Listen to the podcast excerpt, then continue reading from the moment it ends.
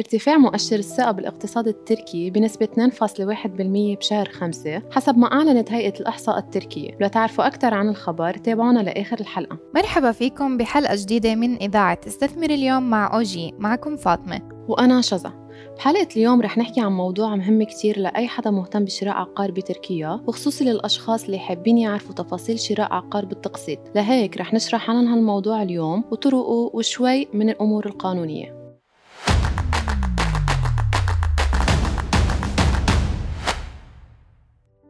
الشغلة اللي لازم نلفت الانتباه إلها يا شذا إنه كل الجنسيات ما عدا الجنسيات الممنوعة من التملك في تركيا تقدر تشتري عقار بالتقسيط فيها بسهولة. 100% وبسبب مساهمة هذا القطاع بنمو وتطور الاقتصاد التركي صارت تركيا تعطي أهمية كبيرة لهالقطاع وعم تقدم تسهيلات كتيرة للأجانب فيها. ومن أهمها إتاحة الفرصة للأجانب بشراء عقار بالتقسيط. خلينا نشرح شوي شو يعني. شراء عقار بالتقسيط بتركيا يعني إنه أنت بتقدر تدفع دفعة أولى وغالبا بتكون 35% من المبلغ الكلي. وهالشي بيرجع لشركة الإنشاء مع تسديد باقي الدفعات خلال فترة معينة على حسب العقد والاتفاق بين شركة الإنشاءات البائع والمستثمر المشتري. طبعا إذا المشتري دفع 50% من سعر العقار كدفعة أولى رح يستفيد من تخفيضات إضافية. بمعنى آخر لما تزيد قيمة الدفعة الأولى رح تزيد التخفيضات المقدمة من شركة الإنشاء. والجدير بالذكر إنه ما في قيمة معينة للأقساط الشهرية أو وقت معين لإنهاء دفع الأقساط. وهالشي بيرجع للاتفاق اللي صار بين المشتري وشركة الإنشاءات أو البنك اللي بيتولى أمر التمويل العقاري. الاتفاق بيتم عن طريق تحديد الدفعة الأولى وعدد الدفعات الباقيه مع تحديد قيمتها يعني قد إيه رح يندفع وطبعا مع ذكر المدة المحددة لتسديد الأقساط لتكملة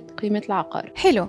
خلينا نحكي بالتفصيل عن طريقة شراء عقار في تركيا بالتقسيط للأجانب بشكل مبسط. طبعا كل العملية بتتم بشكل رسمي ومع عقود بيع رسمية بين شركة الإنشاء والمشتري. بتبلش بمرحلة تحديد سعر العقار وقيمة الدفعات ومدة دفعها يعني كم دفعة وكم في وقت بين كل دفعة والتانية. والمشتري لازم يلتزم بسداد الدفعات اللي عليه بمواعيدها المحددة وبالقيم المتفق عليها. كمان شركة البناء لازم تلتزم ببنود العقد ومن ضمن هاي الالتزامات الخدمات إذا كان العقار قيدي الإنشاء فبتلتزم بتسليم العقار جاهز بالموعد المحدد وبالمواصفات المتفق عليها. مثلا تشطيبات أو إذا التسليم بيكون مع أدوات كهربائية أو بدون. طيب ليه نشتري عقار قيد الإنشاء شو التفاصيل وشو الفوائد اللي بتترافق معه؟ سؤال مهم. غالبا شركات البناء بتعطي خيار بيع الشقق بالتقسيط لما تكون المشاريع قيد الإنشاء وعلى الأغلب بأول مراحل بنائه لأنه الشركة الإنشائية بهالحالة بتستفيد من الدفعات الأولى لتمول عملية البناء. ومن مميزات شراء عقار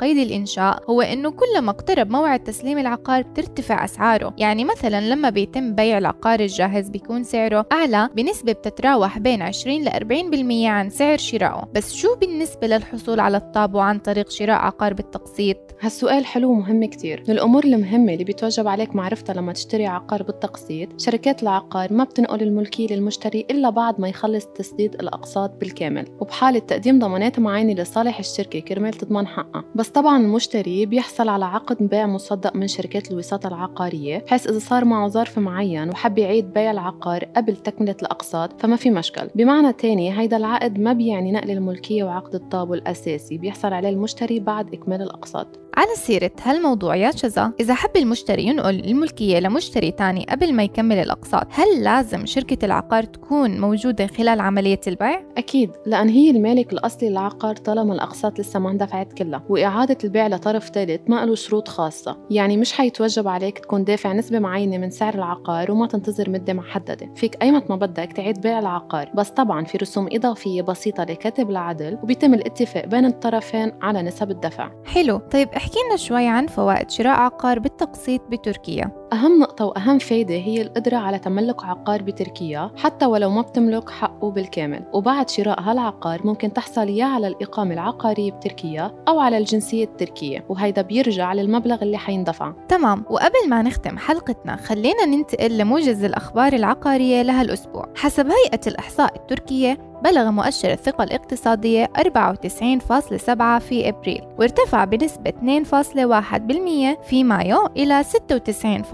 ارتفاع مؤشر الثقة الاقتصادية أتى نتيجة لارتفاع مؤشرات ثقة قطاع المستهلكين والخدمات وتجارة التجزئة. ومقارنة بالشهر السابق ارتفع مؤشر ثقة المستهلك بنسبة 0.4% إلى 67.6 في مايو وارتفع مؤشر ثقة الخدمات بنسبة 6.1% إلى 121.7 ومؤشر ثقة تجارة التجزئة سجل ارتفاع كمان بنسبة 1.7 إلى 121.4 يذكر أنه مؤشر الثقة الاقتصادية هو اللي بيقدم صورة واضحة حول الوضع الاقتصادي العام فبيحتوي تقييمات وتوقعات المستهلكين والمنتجين. وهون بنكون وصلنا لنهاية حلقتنا لليوم. ولو توصلكم الحلقات فور نشرة ما تنسوا تعملوا subscribe للإذاعة على Spotify Google Podcast Apple Podcast أو SoundCloud للاستفسار أكثر عن قوانين التملك في تركيا وخدمات اللي بتوفرها OG Investors لا تترددوا بالتواصل معنا على الرقم الموجود بصندوق الوصف أو بتقدروا تتواصلوا معنا عبر ال social media at oginvestors.tr